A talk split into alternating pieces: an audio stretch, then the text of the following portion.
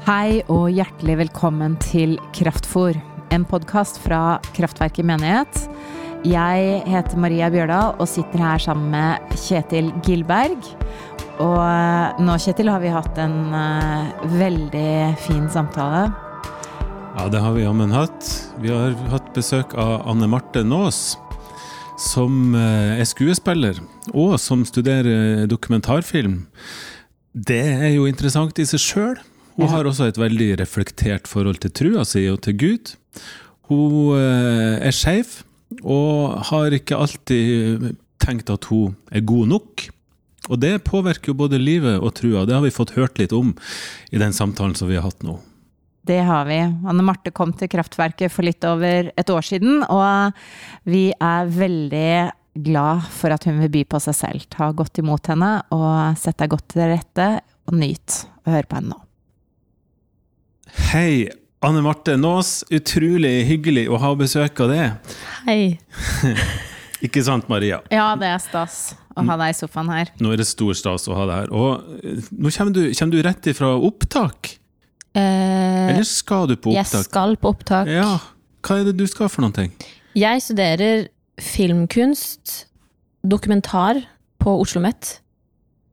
Og på onsdag så skal jeg til Kløfta og filme hester.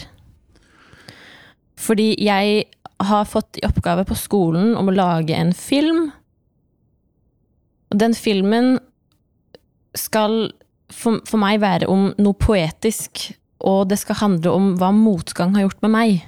Oi. Ja.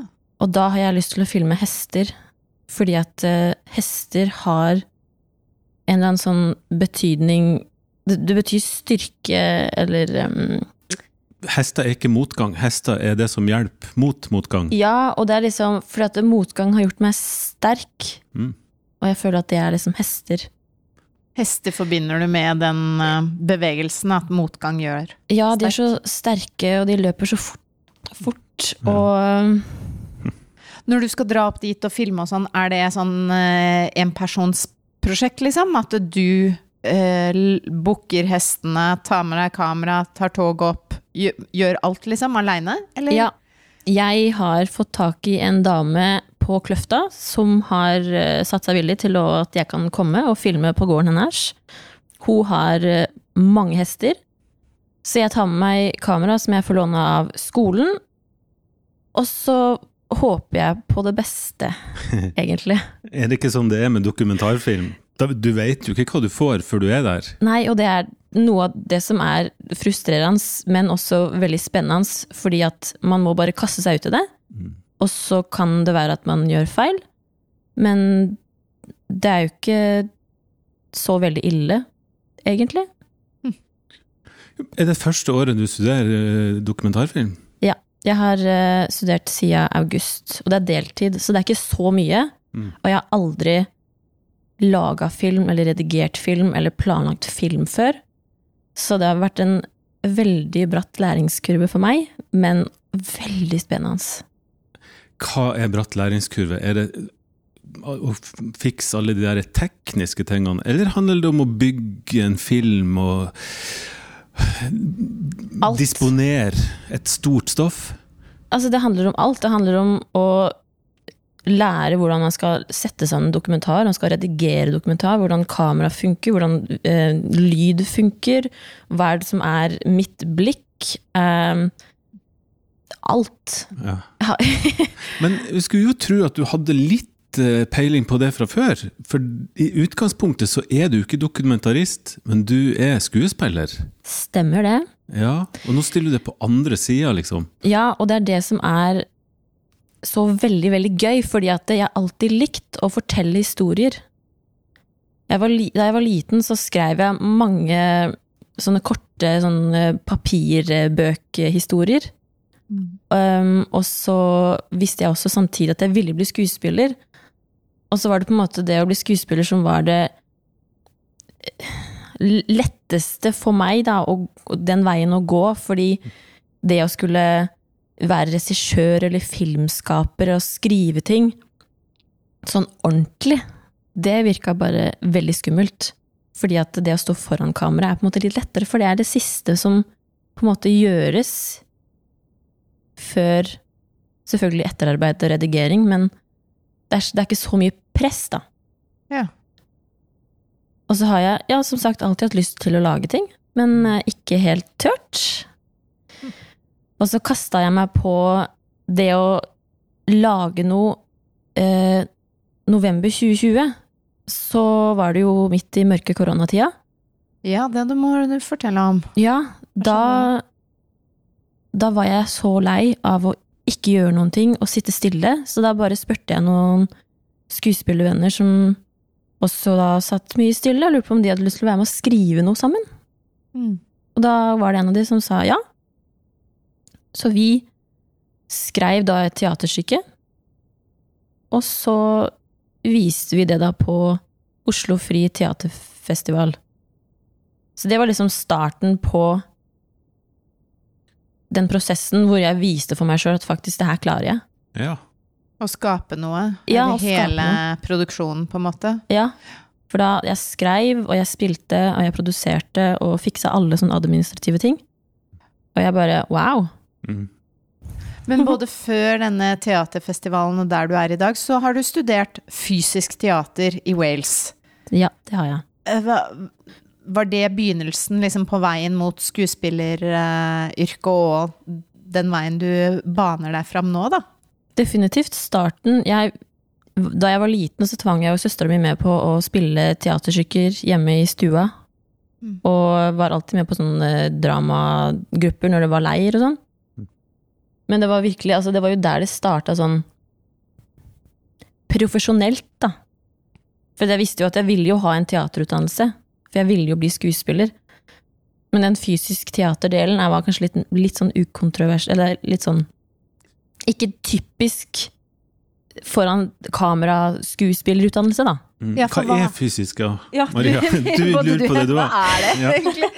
Fysisk teater, er det Ja, fortell oss, hva er det? Ja, ikke sant? Um, det er vel et spørsmål jeg har prøvd å svare på siden jeg starta å studere. Fordi det er, det er ganske vanskelig å forklare. Det handler ikke om å stå nødvendigvis på en scene og sitere Henrik Ibsen eller eh, Shakespeare. Det handler om å bruke mm, erfaringer og følelser og bruke det inn i en scene. Selvfølgelig gjør man jo det også som tradisjonell skuespiller, men det handler, handler mindre kanskje om replikker og mer om hva som, hva som intensjonene er bak Ja, det man gjør. er gjør. det sånn at du får et litt løsere manus? Du kan Og at det er mye improvisasjon i det? Nei, altså Du skriver veldig tydelig manus for fysisk teater også. Ok? Det er så Kan man sette opp et dukkehjem som fysisk teater? Ja, det kan man. Ja. Man kan bruke fysisk teater til hva som helst, men det blir ikke den tradisjonelle fire vegger Eller som ofte så blir det ikke den tradisjonelle fire vegger-opplevelsen for publikum. For eksempel, vi hadde et forestilling hvor vi, vi, vi, vi brukte publikum. Ja. Så jeg sto på eksamensforestillinga vår, så sto jeg og skreik inn i ansiktet til et av publikummene. Mm. Og det er jo ikke noe man nødvendigvis ville gjort Skjønner. På tradisjonelt på teater. tradisjonelt teater. Kaller man, er det sånn fysisk teater er i opposisjon til tradisjonell eller konvensjonelt teater, eller eh, er, det, er de venner? Vi bor i samme gata. Ja. Med forskjellige hus. Ja. Høres ut som en litt Men- annen sånn metode og måte å være i teatret på. ja, det er en helt annen måte å jobbe på. Tenker jeg, da. Jeg har jo ikke studert vanlig tradisjonelt teater, så jeg skal ikke si liksom altfor hardt hvordan ting er, hvordan ting ikke er like og sånne ting, men for meg så oppleves det helt annerledes. Det virker Det oppleves mye friere, og det oppleves mye ehm, Du jobber mye mer med deg sjøl, og du tar, mer med, du tar mer av deg selv inn i stykket. Og det er veldig viktig at du, være, at du er til stede. Du må være til stede hele tida, for hvis du liksom mister, mister det litt, så, så synes det veldig godt. Det er veldig spennende, Ja. men veldig vanskelig å forklare. Men det tror jeg klart, du klarte å forklare det veldig fint nå. For jeg tror jeg skjønner det der med å ikke gå så inn i en rolle at det skal være noen andre, men at du er mer av det sjøl, da. Ja. Og tar ditt eget, og er veldig til stede i egne erfaringer og egne følelser, og spiller det ut, da. Det er litt mer sånn kunstnerisk. Ja. Men de som kommer og ser på, da. Eh, Denne personen som du skreik i trynet, visste han eller hun eh, at dette kan jeg kanskje risikere, for nå skal jeg på fysisk teater i Wales, og da, det, må, det er en del av pakka? Eller er det en som kommer hjem litt sånn sjokkskada og forteller at eh, nå, nå har jeg fått vært med på noe som jeg egentlig ikke ba om? Det var spesielt interesserte som var og så på den.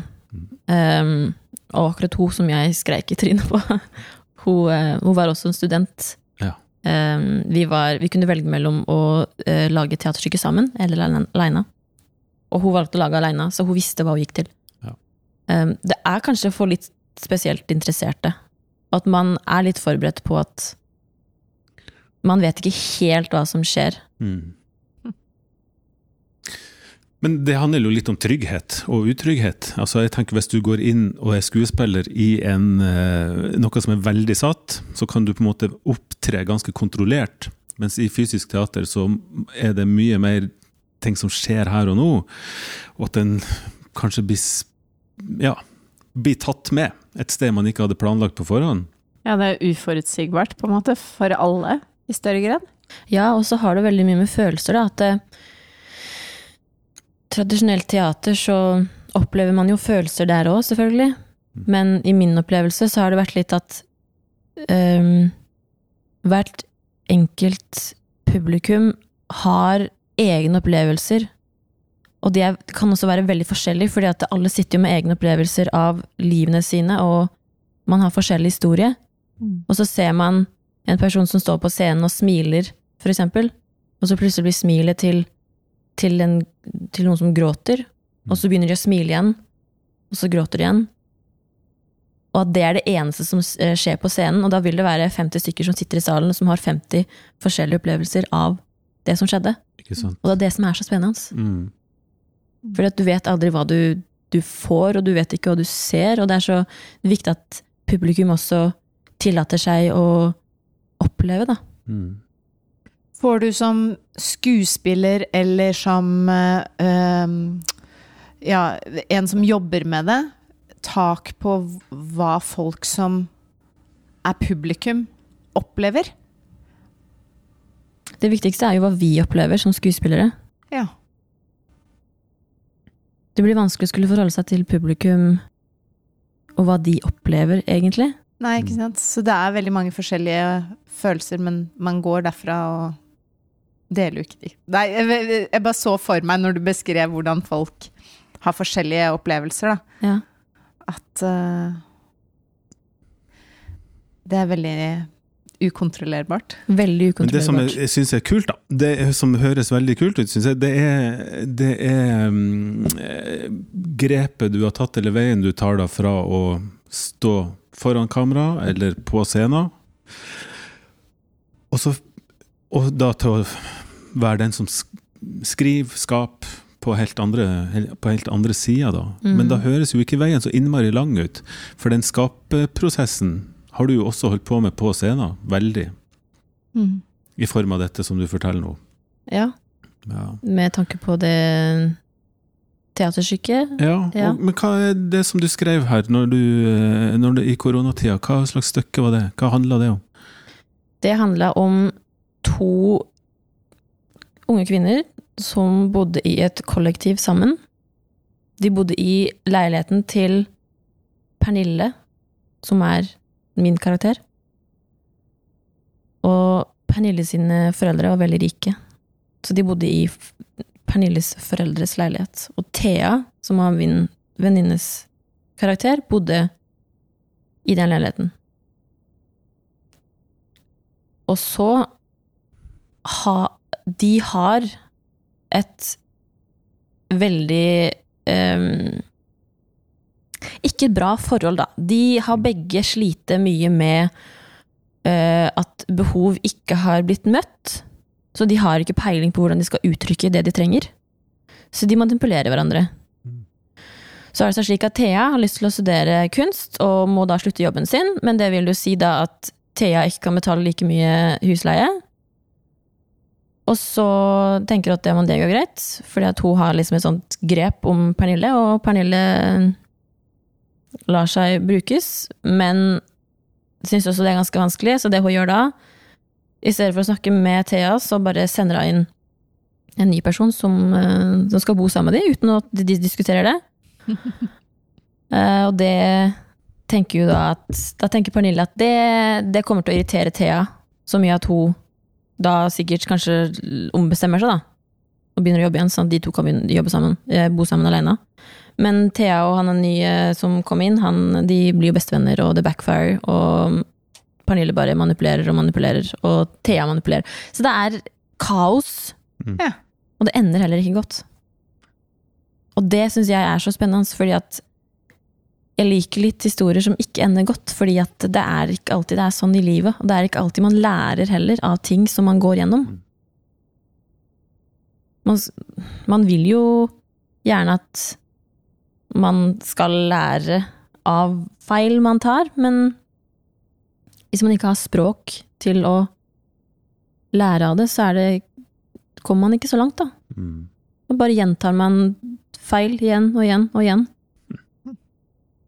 Og det er det som blir problemet her, at de, de lærer ikke Lærer ingenting.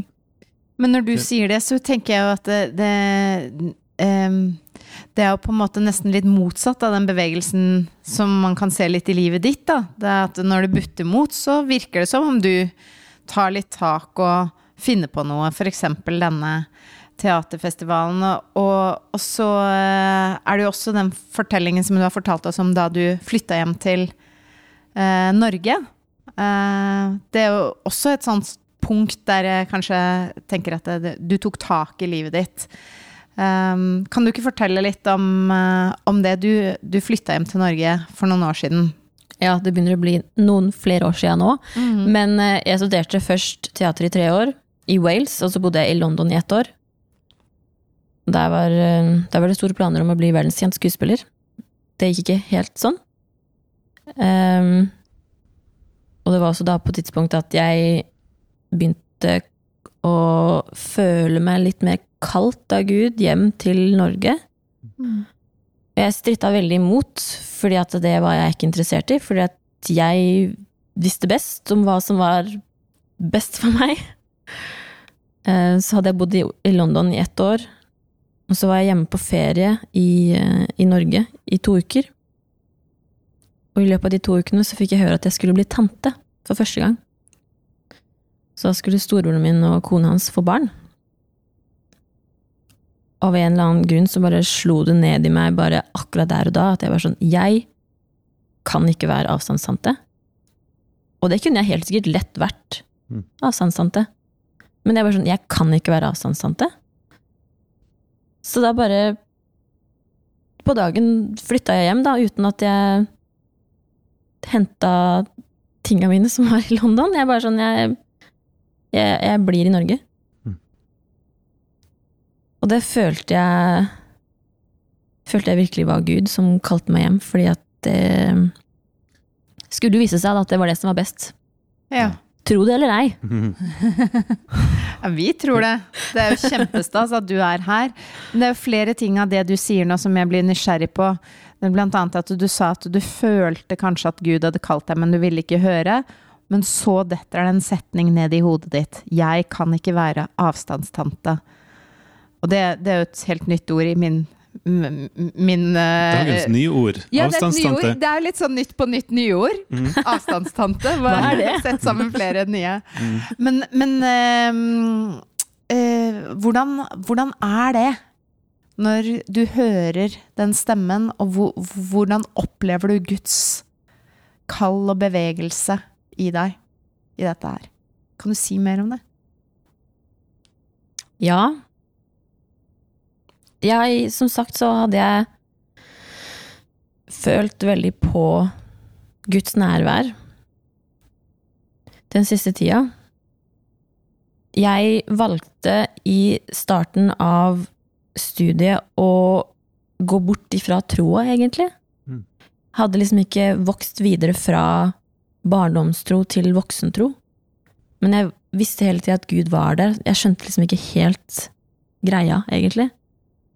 For jeg trodde på Gud, men jeg ville ikke forholde meg til han. Men opp igjennom hele tida følte jeg meg kaldt. Og det er sånn merkelig opplevelse.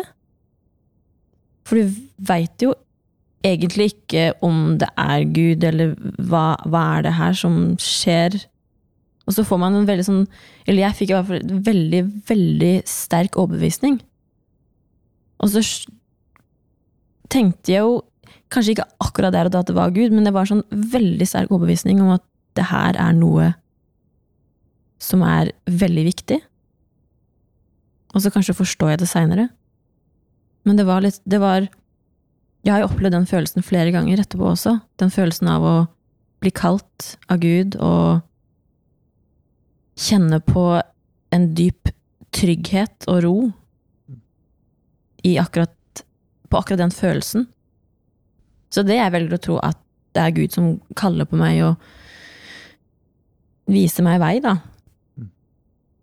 Det er sånn veldig, veldig dyp trygghet. Men som man ikke alltid ser hva er Før etterpå. før etterpå. Mm. Så utrolig fint. Ja, Ja. Eh, er det sånn du ser på Gud? Som gir deg trygghet, ro? Og, mm, ja. Eller er Gud en som Ja. Er Gud en som bare gjør godt? I ditt liv, da. Um, ja og nei. Mm. Jeg har hatt et veldig vanskelig forhold til Gud. Uh, I takt med forhold med andre mennesker rundt meg, så har jo også forholdet mitt til Gud vært vanskelig og vært redd for Gud, for jeg var redd for mennesker, og jeg var syns, syns mennesker var veldig skumle. Og jeg syns det, det er veldig vanskelig å forholde seg til en gud som du ikke kan ta og se på Altså, du kan ikke vite konkret at her er det en gud. Så da klarer ikke jeg å liksom se forskjell på mennesker og Gud, så da ble det forholdet til de menneskene ble med et Gud òg. Ja, du speila Gud i de menneskene du hadde rundt deg. Ja, og, og den, det var vel også den, ja, den dype frykten da, for mennesker, som også blei overførbar til Gud. At jeg var bare veldig redd for han. Veldig redd for å gjøre feil. Fordi at jeg var sikker på at hvis jeg gjorde feil, så kommer Gud til å straffe meg. Og alle de vonde tinga som har skjedd i livet mitt, er på grunn av at Gud har straffa meg. Mm. Og det var også en sånn dyp overbevisning om at det var Gud. Så jeg, jeg gikk på en sånn kjempetynn line og kunne ikke falle den ene veien den andre veien. Kunne ikke gjøre noe feil, Mm. for da kom Gud til å straffe meg. Var det da du forlot trua? At den, eh, det bildet av Gud og den, den trua du hadde da, ble for vond å bære? Ja, jeg tror det kom på videregående. Mm. For da gikk jeg på en ganske konservativ eh, kristen skole. Og der blei litt det bildet av Gud som jeg var redd for, blei litt um, Blei større, da. Mm. Jeg gikk fra en barnetro om, om Gud som stiller eh, Jesus som stiller stormen, ikke sant, og metter folk og gir blinde folk synet. Mm. Og så opplevde jeg i hvert fall på den skolen jeg gikk på, at han ble liksom Han ble skummel og stor og fraværende og hadde så mange regler og kunne ikke gjøre ditten og kunne ikke gjøre datten og. Så det var vel sikkert en prosess, da. At jeg, jeg var ikke interessert i å tro på en gud som var sånn kunne ikke Altså, så snakker folk liksom Folk snakka om hvor god Gud var, og jeg vokste opp i en kristent, kristent hjem, og mm, foreldre som hadde et godt forhold til Gud, da, som jeg, som jeg så, og snakka om Gud og hadde et godt forhold. Og så møter jeg guden som bare suger. Og da bare gadd jeg ikke Gadd jeg ikke mer. Det høres ut som du har vært gjennom en veldig stor bevissthetsprosess, der eh, bildene av Gud som knytter seg opp til oss og frykt av mennesker, er på en måte identifisert som noe, og, og den trygge, gode stemmen, og det du søker, og det, det, det du vil, da, det, det også er blitt tydelig. Har det vært hardt arbeid? Og eh, at det ikke er sausa sammen i en svær Mm. forståelse av at Gud er uh, kjip og noen ganger god. Altså, så skille det ut og se på det. Ja, det har vært voldsomt stort å skulle gjøre. Jeg har jo jobba veldig mye med meg sjøl, og det er jo det som har gjort at jeg har fått et mer sånn nyansert bilde på Gud. Fordi at det var skummelt å skulle stole på Gud, og det var skummelt å skulle stole på Unnskyld. Mennesker. Så da var det på en måte ikke noe Det var ikke noe annet å gjøre enn å bare ikke stole på Gud. Men etter at jeg har fått det bedre, bare de siste tida, så så klarer jeg mye tydeligere å se hvem Gud er, samtidig som det er ganske sånn Det er vel heller mer det jeg lærer, jo mindre forstår jeg. Mm. Og det syns jeg gir mening, da, i hvert fall. Mm. Fordi at det, det, det, det ligger en frihet i det å ikke forstå, da. Fordi at jeg hadde et sånt enormt behov Mm. etter å skulle forstå alt. Forstå alt Gud gjorde, som jeg så for meg Gud gjorde, da. Og alt det som skjedde, og alt det som skjedde med meg, og Men det å bare skulle stole på Gud mer, og slippe det, det blei redningen for meg, da. Mm. Å bare slippe det, og ikke, ikke ha det intense behovet over å liksom Nå må jeg forstå alt, jeg må skjønne alt, hvis ikke så dør jeg. Men eh, jeg tenker, når du har kommet tilbake til trua, da, for mm. å si det, si det sånn, så eh, virker det jo som at du er et helt annet sted i dag. At du ikke er redd for Gud som skal straffe deg, og som er årsaken til alt det kjipe i livet. Men altså, har du noen opplevelser eller erfaringer av en Gud som er glad i deg? Gud som vil det vel? Gud som gjør gode ting? Ikke bare sånn at du skjønte det etterpå, at dette var best for meg, men har du noen sånne opplevelser som har snudd det? Ja. Det, har, det å komme tilbake til troa har jo vært en veldig lang prosess, og det er en prosess jeg fortsatt er i. Men jeg starta jo ganske kjapt etter at jeg kom tilbake til Norge og flytta til Oslo. Så gikk jeg i Philadelphia. Og da husker jeg veldig godt en episode hvor jeg visste Gud var med meg fra liksom starten av. Og da var det en veldig sånn triviell situasjon, kanskje, hvor det var et, en panelsamtale i Philadelphia, og så skulle vi sitte i grupper etterpå og snakke om den, det temaet sammen. Og da var det en gjeng med sikkert 70-80 mennesker som jeg ikke visste hvem var. Jeg kjente ingen av de, og jeg har jo hatt ekstremt sosial angst. Og jeg har jo fortsatt sosial angst, men ikke like ekstremt, og slitt masse med å ikke føle meg god nok. Og så gikk det konfer konferansieren Gikk vel rundt i, i, i lokalet da etterpå og så skulle liksom fortelle de andre gruppene hva vi hadde snakka om, og hvis vi ville dele noen ja, poeng og sånt. Og så har jeg alltid vært Siden jeg er skuespiller, så har jeg lyst til å være litt midtpunkt. så jeg har alltid hatt lyst til å være en person som bare tar ordet, da. Men så har jeg egentlig aldri turt det. Men da han fyren med mikrofonen kom bort til gruppa vår og spurte er det noen som har noe å si, så var det et eller annet som skjedde med meg, men jeg bare strakk meg etter mikrofonen. Og jeg klarer ikke å forklare det. Jeg blir så rørt da jeg snakker om det, for det er så merkelig. Men jeg har en tendens til å ikke sant, svette masse og eh, snøvle litt og sånne ting når jeg blir nervøs og liksom ikke være rolig i kroppen, men jeg var helt rolig, helt kald. Jeg strakk meg etter mikrofonen, og så sa jeg det jeg skulle si. Og så gikk det kjempefint. Mm. Og etterpå satt jeg igjen med en følelse av at her Her prøvde Gud å fortelle meg at jeg er god nok. Mm. At det jeg har å si, er godt nok. Og det er fortsatt noe som Så det viktigste Gud ga deg i den situasjonen, var rett og slett en følelse av at du er god nok, og, og velvære i det du gjorde, og den du var. mm. Mens det du sa, og det innholdet i det, var sekundært, eller eh, Ja, nei, jeg husker ikke hva jeg husker, Nei, ikke snakk, jeg husker ingenting av noe annet enn at den følelsen. Ja. Og Det var fint å høre om, altså. Ja. Ja, helt fantastisk fint var det å høre. Og jeg tenker jo det er jo det Gud gjør. Han forteller oss jo at vi er bra, vi er elska, og alt det der. Så Ja. har jeg lyst til å spørre deg, fordi øh, øh, Du er skeiv. Yes. Ja.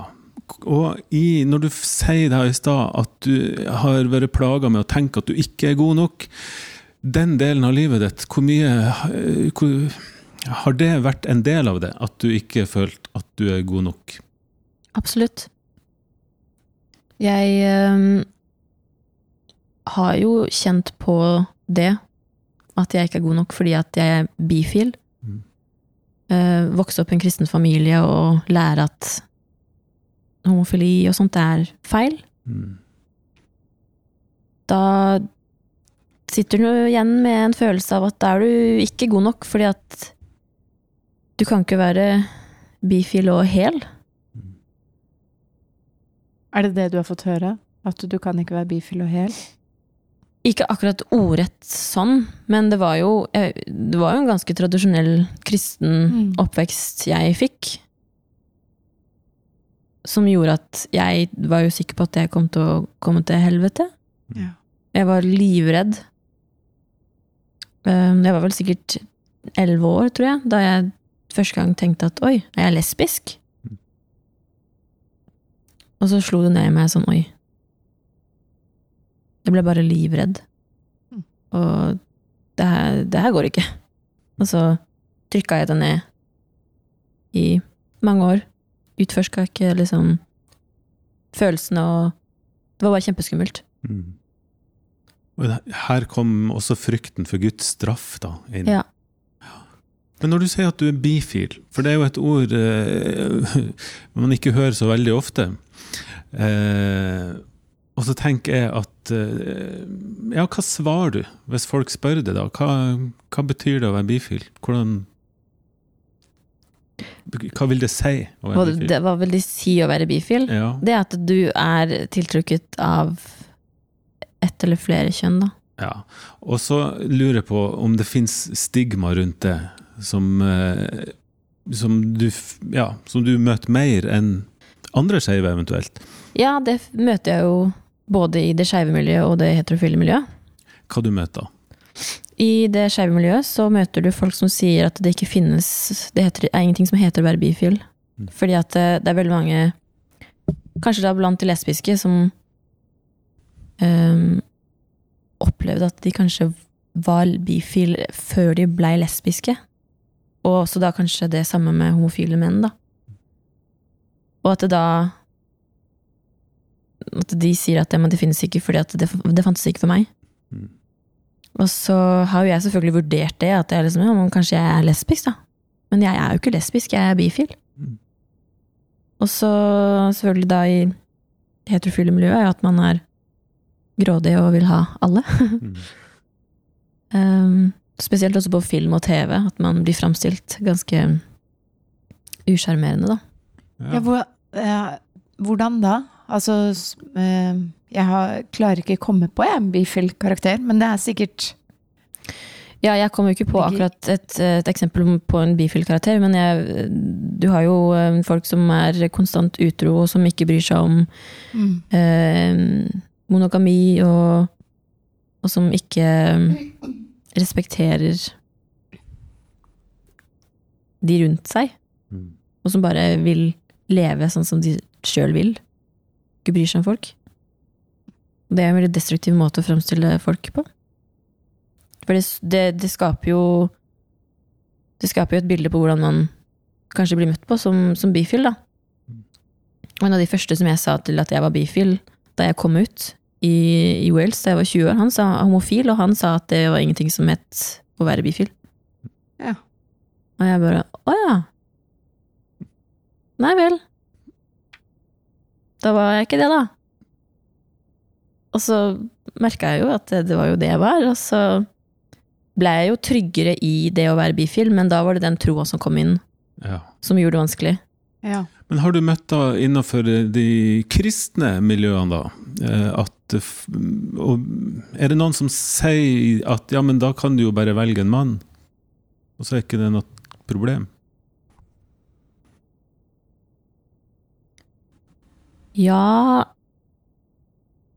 Det er vel helst meg selv som sier det, Ja. ja. på grunn av den indre homofoben Mm. som har jobba seg opp gjennom åra, og som forteller meg at ja, men så bra at du er bifil, da, for du kan jo for litt minst velge deg en mann. Mm. Hvis det kom en sånn ytre stemme da og sa det, hva, hva ville du svare den da?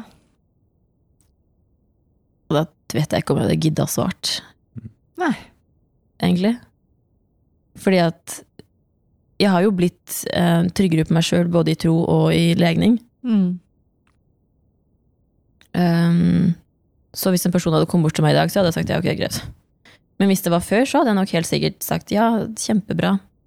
Da kommer Gud til å elske meg. Da hadde du tatt det som en oppskrift til hvordan du skulle løse problemet. At du, Ja. du er ikke elsket hvis du står i den bifile eh, identiteten eller Mm, forståelsen av deg selv, da. ja. At du må velge. Men jeg har fått det bedre Altså, den, den bifile delen av meg har blitt lettere, men, men det er den, eh, den kristne troa mi som Som eh, jeg trodde jeg på en måte hadde kommet litt videre med. Men jeg tror i sommer så bare slo det ned i meg at jeg bare sånn Jeg syns fortsatt det er skikkelig vanskelig å være kristen og bifil. Mm. På grunn av ja, kristne mennesker og kirka. Ja, ikke på grunn av indre overbevisning. Jo, også den indre homofoben. Mm. Men det er litt vanskelig, for det er som om jeg er delt i to noen ganger. Mm. At jeg er en del som er trygg på at jeg er bifil, og så er det den delen som er kristen, og som skjelver i buksene, Mm. egentlig. Um, det gjør det vanskelig for meg å være kristen og ikke være kristen. Um, det er vanskelig å forklare, men det er litt sånn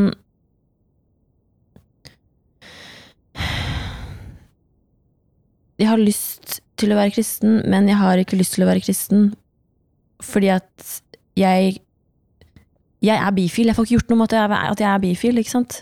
Men da skulle du være kristen i tillegg til det, og skulle finne ut av det, og forholde seg til alt det som står i Bibelen, og alles meninger, og mine egne meninger. Det jeg tror er sant, og det jeg håper er sant. Og det som dere snakker om her i Kraftverket. Om at dere har lyst til at det skal være likestilling. Jeg blir redd. Fordi at jeg er redd for at det skal være feil, det som jeg tror. Eller at det, at det dere liksom snakker om i Kraftverket, er, er feil. Mm. Og at eh, hvis jeg Jeg syns det er greit å være bifil sånn fullt og helt ut, samtidig som at jeg er kristen, at jeg, at jeg skal ta feil og kommer til helvete. Og det er så fryktelig skummelt å gå rundt og være redd for det hele tida. Og så Ja, jeg, jeg skjønner ikke helt alt jeg, ja, Nei, jeg vet ikke helt hva jeg skal gjøre med det. Nei. Og så er det trygt å skulle gå i kraftverket, for her vet jeg at her er det en folk som godtar meg. Men så har du en hel gjeng da, som ikke gjør det.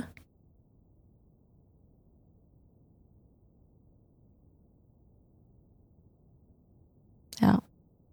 Nå er du modig, syns jeg, Ja, du er veldig modig akkurat nå. som sier akkurat det der. Det der å vite om man har noe rett eller feil, det kan jo vi som er pastorer òg lure på av og til, og når vi må gå i oss sjøl. Men eh, det jeg har lyst til å si når du sier det der, det er at punkt én Du og alle andre skeive uansett er god nok. Og elska av Gud. Uansett. Alltid. Og så eh, Håper at frykten for å gå til helvete blir viska bort hos det og alle andre. For den frykten kan ikke styre oss, altså. Og den frykten kan jo jeg òg kjenne på som leder i en menighet. Eh, er det det som skal skje? Men jeg tror på en Gud som eh, slipper oss inn, for å si det sånn. En gud som sa 'frykt ikke', gang på gang. Ja. Han viste seg. Ja. Så eh, Men, men eh, jeg tenker, når du sier da at det er så mange eh, kristne miljø som, og kristne mennesker som gjør det utrygge, da, til slutt nå, da, er det For Kraftverket tilhører jo et kirkesamfunn som eh, ja, En ting at det, det er mye bluss rundt dette dette her akkurat nå, da. Eh, Og det er jo at noen vil si at kraftverket ikke er et trygt sted, fordi vi rett og slett er, tilhører et kirkesamfunn som eh, Ja. Som eh, ikk- der vi ønsker forandring, da. Men opplever du at kraftverket er et trygt sted? Ja, jeg gjør det, fordi at jeg er vel der hvor jeg er nødt til å forholde meg til Eller jeg vil forholde meg til det som dere vil, istedenfor hvor, dere- hvor dere er, og liksom det lille håpet. Mm. Men det er et trygt sted, fordi at jeg vet at dere vil meg vel. Mm. Og da klarer ikke jeg å forholde meg til at det finnes en hel gjeng der ute som ikke ønsker det samme som dere. Det, det, det blir så vanskelig å forholde seg til. Mm. Så jeg, jeg syns Jeg syns det er trygt. Ja, det er jo fantastisk hvis du syns det. Det er i hvert fall ufattelig fint at du er en del av denne gjengen her og denne menigheten. Det er vi så glad for.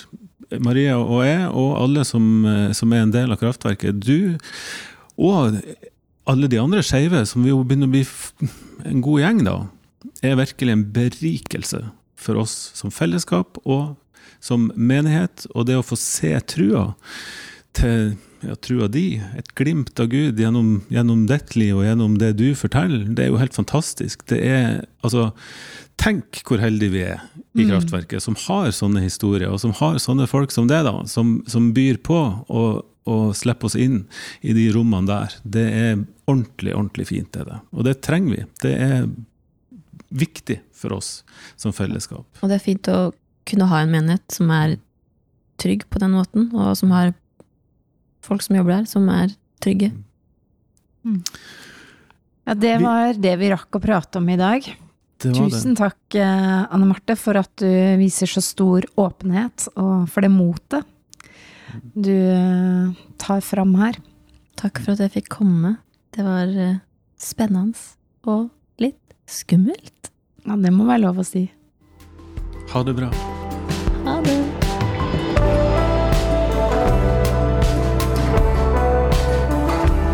Kraftfor er en podkast for Kraftverket menighet, ledet av Maria Bjørdal og Kjetil Gilberg. Kraftverket har gudstjenester hver søndag på Bislett i Oslo klokka fem. Og ønsker du å støtte Kraftverket økonomisk, så kan du vippse til 10393. Og ønsker du å støtte Kraftverket på en eh, mer fast basis, så kan du gå inn på gitilkraftverket.no. Abonner på Kraftfor, og tips gjerne andre om podkasten.